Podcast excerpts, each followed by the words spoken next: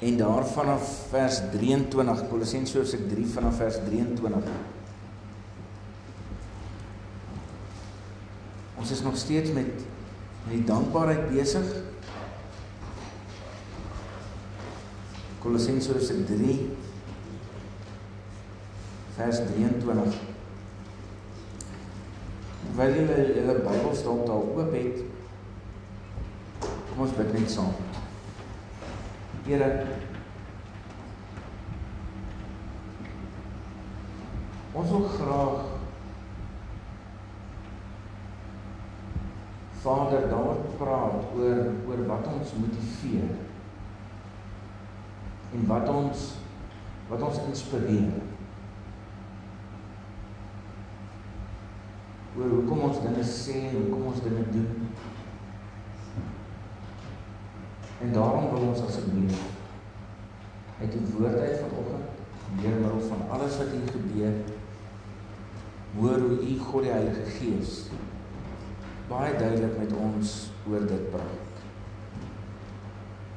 Ons bid dit in Jesus naam. Amen. Broers en susters, hoekom doen jy wat jy doen? Hoekom kom doen jy? Dinge soos wat jy dit doen. Wat motiveer vir jou? Wat veroorsaak dat jy dinge doen anderste as wat ander mense in jou gesin dinge doen? Want ons doen mos nie dinge dieselfde. Hoekom sê jy dinge wat wat jy sê? En en iemand anders net sommer in jou gesin sê nie die dinge wat wat jy sê. Hoekom reageer jy anders as wat iemand anders sou reageer op presies dieselfde ding wat met met jou gebeur? Reageer jy anderste as die persoon net langs jou of saam met jou? Wat motiveer jou? Belangrike vraag dat ek ook is net bietjie anders is. Wat veroorsaak dat jy nie dinge doen? Dat jy nie dinge nie. Jy weet mos baie keer gebeur daar iets, iemand sê iets, iemand doen iets, iemand sê vir jou iets en dan doen jy iets. Jy reageer. Jy bly stil of jy reageer op 'n sekere manier anders as 'n ander persoon. Hoe weet jy wat om te sê? Hoe weet jy wanneer om nie iets te sê nie? Die gesegde wat ons wat ons mos het in sekere situasies is 'n 'n stilbek is 'n heelbek, né? Nee. Mens sien altyd in die in die films dan is daar mos altyd so iemand wat wat so reageer, iemand sê vir iemand iets en dan reageer hierdie ander ou en dan en en die een wat dan nou reageer kom staan so voor hierdie een wat eers iets gesê het en dan besef jy maar hierdie persoon wat nou eers iets gesê het sit eintlik. En dan begin die persoon mos nou so opstaan en dan word die persoon net langer en langer en dan sien jy nou maar sy skouers en die res van hom hy so blok van 'n mens. Hy's nie peervormig soos ek nie. Hy's blokvormig en lank en groot en dis hier is julle ken mos daai reaksie. Partykeer kom jy agter maar wag ek het nou vir die verkeerde persoon iets gesê want want hierdie persoon se reaksie is net so bietjie skerper en beter en alles dan weet jy o, gits ek moet net sê en nou moet ek liewer stil bly. In verhoudings weet ons dit mos ook. Maar ons weet dit baie keer eers te laat. Ons ons het klaar iets gesê en dan weet ons die regte ding was om nou stil te bly. Wat motiveer ons? Al hierdie dinge. Of jy nou iets sê en of jy nou iets doen en of jy nou besluit om niets te sê en niets te doen nie, gaan oor wat vir jou en my motiveer wat ons dring om iets te doen of nie te doen. Die Bybel leer ons dat die liefde ons moet dwing, moet dring. Dis die groot dryfveer in hoekom ons iets moet doen. Hoekom ons sekere dinge moet sê. Maar dit is ook presies die dryfveer oor wanneer ek en jy eintlik moet stil bly ook. Wanneer ons moet weet om niets te sê, niets te doen. Kolossense hoofstuk 3 vers 23 staan daar die volgende: Wat julle ook al doen, doen dit van harte. Soos vir die Here en nie vir mense. En dan in vers 24 is daar 'n omdat. En ek gaan vir ons die omdat nou lees. Die omdat sê omdat julle weet dat julle van die Here as beloning sal kry wat hy beloof het. Christus is die Here in wie se diens julle staan. My krisis met die met die omdat in vers 24 is dat ons soms dink dat dit is hoekom ons dinge doen. Omdat ons een of ander iets gaan kry. Omdat ons een of ander beloning gaan kry. Soos soos die die die wetenskap, soos die sielkundige navorser Pavlov, né, met sy honde en 'n fluitjie gefluit het, klokkie gelei het en dan het die honde sekere dinge gedoen as daai klokkie gelei het. Naderhand Lei net die klokkie, doen niks nie, maar dan doen die honde dit. So word ons ook gekondisioneer. En daarna doen ons baie keer goed. En ons doen dit sommer maar net. Ons onthou dit nie spesifiek nie. Ek dink nie dat die Here bedoel dat omdat ons weet dat jy van die Here beloning sal ontvang, soos wat die Here beloof het, is die motivering vir jou en my. As dit is dink ek maak ons verkeerd. Ons moenie hier sekere dinge doen of sekere dinge nie doen. Sekere dinge sê of sekere dinge nie sê omdat of het sy ons 'n beloning gaan kry of enige straf gaan kry. Ons kan nie deur deur eendag die hemel of die hel gemotiveer word. Dis nie wat God wil hê nie. Hy sê hier baie duidelik doen dit vir die Here, nie vir mense. Dis hier en nou. Dis wat werklik binne jou en my se motiewe lê. Wat is jou en my se motiewe? En die basiese kom terug. Doen ons dinge vir mense om deur mense raak gesien te word, om 'n klop op die skouer by mense te kry of doen ons dit vir die Here? En waarvoor doen jy wat jy doen? Waarvoor kom jy kerk toe? Waarvoor kom jy nie kerk toe? En as ons bedoel kerk bedoel ons mos nou Sondag. Waarvoor doen jy iets vir jou medemens waarvoor doen jy iets vir jou medemens? Wat is jou motief? Is dit vir die Here of is dit vir mense? Doen jy iets vir die persone in die naaste aan jou om deur hulle raak gesien te sien te word sodat 'n uh, eh, jy weet dis dis so 'n bietjie van ek was jou rug en jy was my rug. Quid pro quo is die latynse woord. Die, ja, ek het nou vir jou koffie gemaak. Nou maak ek ek het dis nou so bietjie mekaar terg baie keer daarmee met die koffie maak storie. Onthou my lief, ek het daarom vir jou koffie gemaak maar ek dink ek ek weet dit is ver agter. Dis nou regtig net boek gehou moet word van wie maak wie koffie. Ek is so ver agter net met dit. Maar ons doen dit. Ek wil hê dat ek en jy elkeen moet dink waarvoor doen ons wat vir ons doen. Kinders, hoekom kom doen julle julle huiswerk? Hoekom leer julle as julle leer? Hoekom is julle lief vir mekaar? Hoekom werk jy waar jy werk? Hoekom? Hoekom? Is dit vir die Here of is dit vir die mens? Of is dit selfs net vir die naaste mense aan jou? Dan is die motief in jou en my hart nie reg. Dit is baie interessant as ons kyk na wat hier staan en die bedoelings van die woorde wat alles daar kan wees. wat julle ook al doen, net die eerste deel van vers 23, daardie doen is verskriklik interessant. Die doen kan kan ons op 'n klomp verskillende maniere vertaal. Ons kan sê wat julle ook al maak, so wat jy ook al fisies maak, iets nuuts maak, maak dit vir die Here en nie vir mense nie. Volgende vertaling wat ons doen mee kan vervang is wat julle ook al is. So wat julle ook al is, wie jy ook al is, wees dit wie jy is vir God en nie vir mense nie. Dis nou nogal iets wat ek die afgelope tyd baie raak lees wat mense sê, mense sê wees mos net jouself.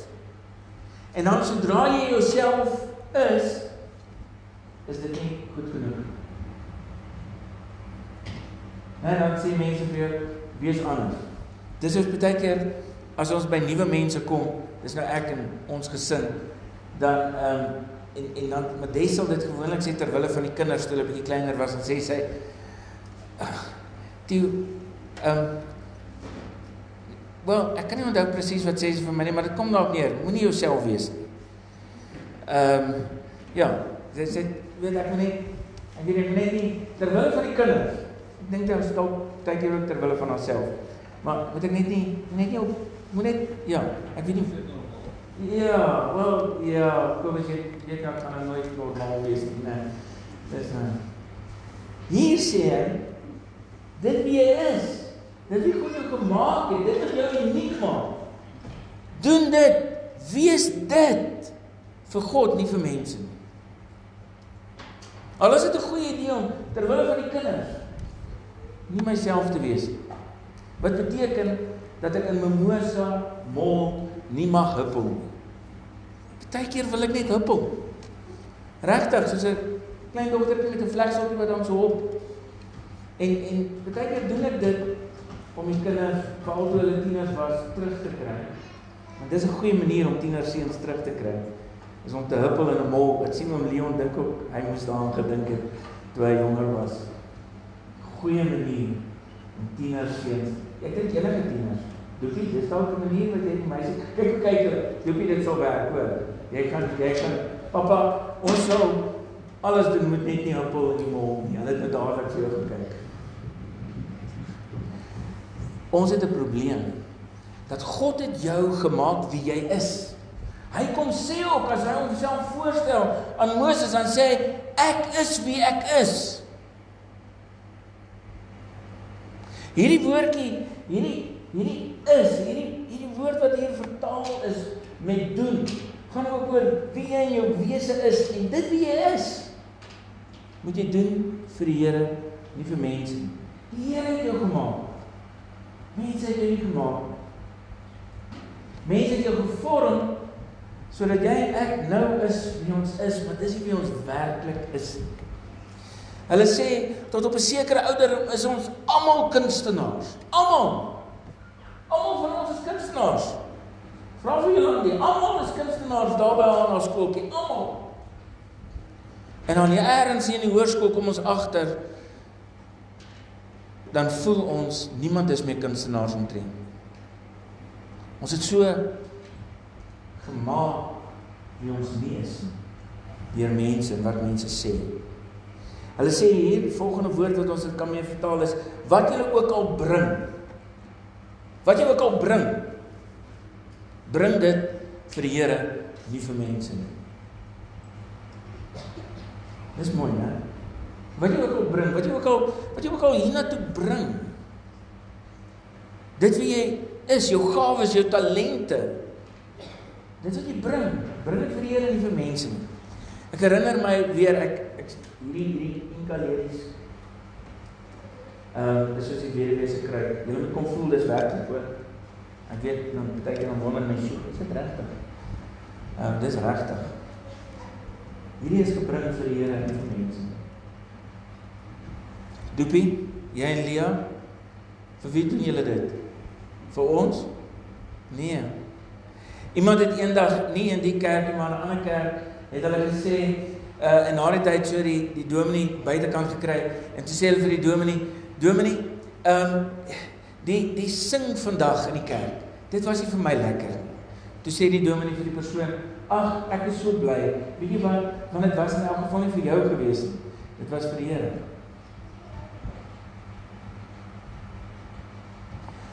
Julle hoor dat dit wat in ons kern lê van ons motiewe, dit wat jou motief is, vir hoekom jy hier is, hoekom jy in jou gesin is, wat jy ook al bring enige plek toe, wat jy bring, bring dit vir die Here en vir mense.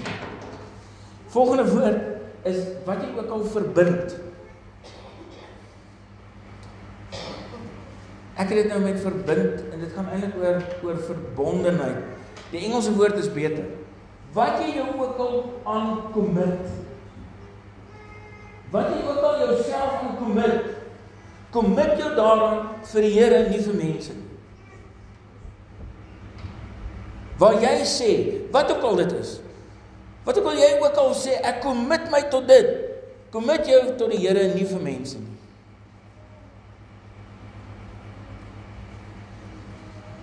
Volgende woord wat wat ons dit mee kan vertaal is verdra. Want in hierdie lewe is daar klomp goed. Veral wanneer ons bid wat dinge nie onmiddellik gebeur soos wat ons bid nie. Ons doen fyn beplanning. Maar partykeer is daar 'n woestyn tydperk wat ons moet deurgaan. En dan is dit 'n tydperk waarin ons die situasie waarin ons is letterlik moet verdra. Letterlik moet vashou. Verstaan jy hoekom is ons nou in hierdie ding nie? En hier sê die woord vir ons wat ook al jy verdra binne in daardie tyd wat wat dit voel soos 'n wurggreep wat om jou is. Wat ook al jy verdra, verdra dit vir die Here, nie vir mense nie. Ook nie eens vir jouself nie. Moenie eens vasbyt ter wille van jouself, ter wille van jou gesin, byt vas ter wille van die Here. Wat jy ook al verwag. Wag is die volgende woord, nog 'n woord. Wat jy ook al verwag. Wag vir die Here, nie vir mense nie. Die laaste woord is journey. Die pad waarop jy is. Hierdie journey. Hierdie pad wat wat jy loop, wat 'n paar vreemde draaie al gemaak het. Wie van die vrouens wat vandag met boere getroud is, het gesê ek gaan nie met 'n boer trou nie. Hande op. Asseblief. Ja ja ja, daar's Wow, jy het net so ver nou aan op te steek nie. Sorry.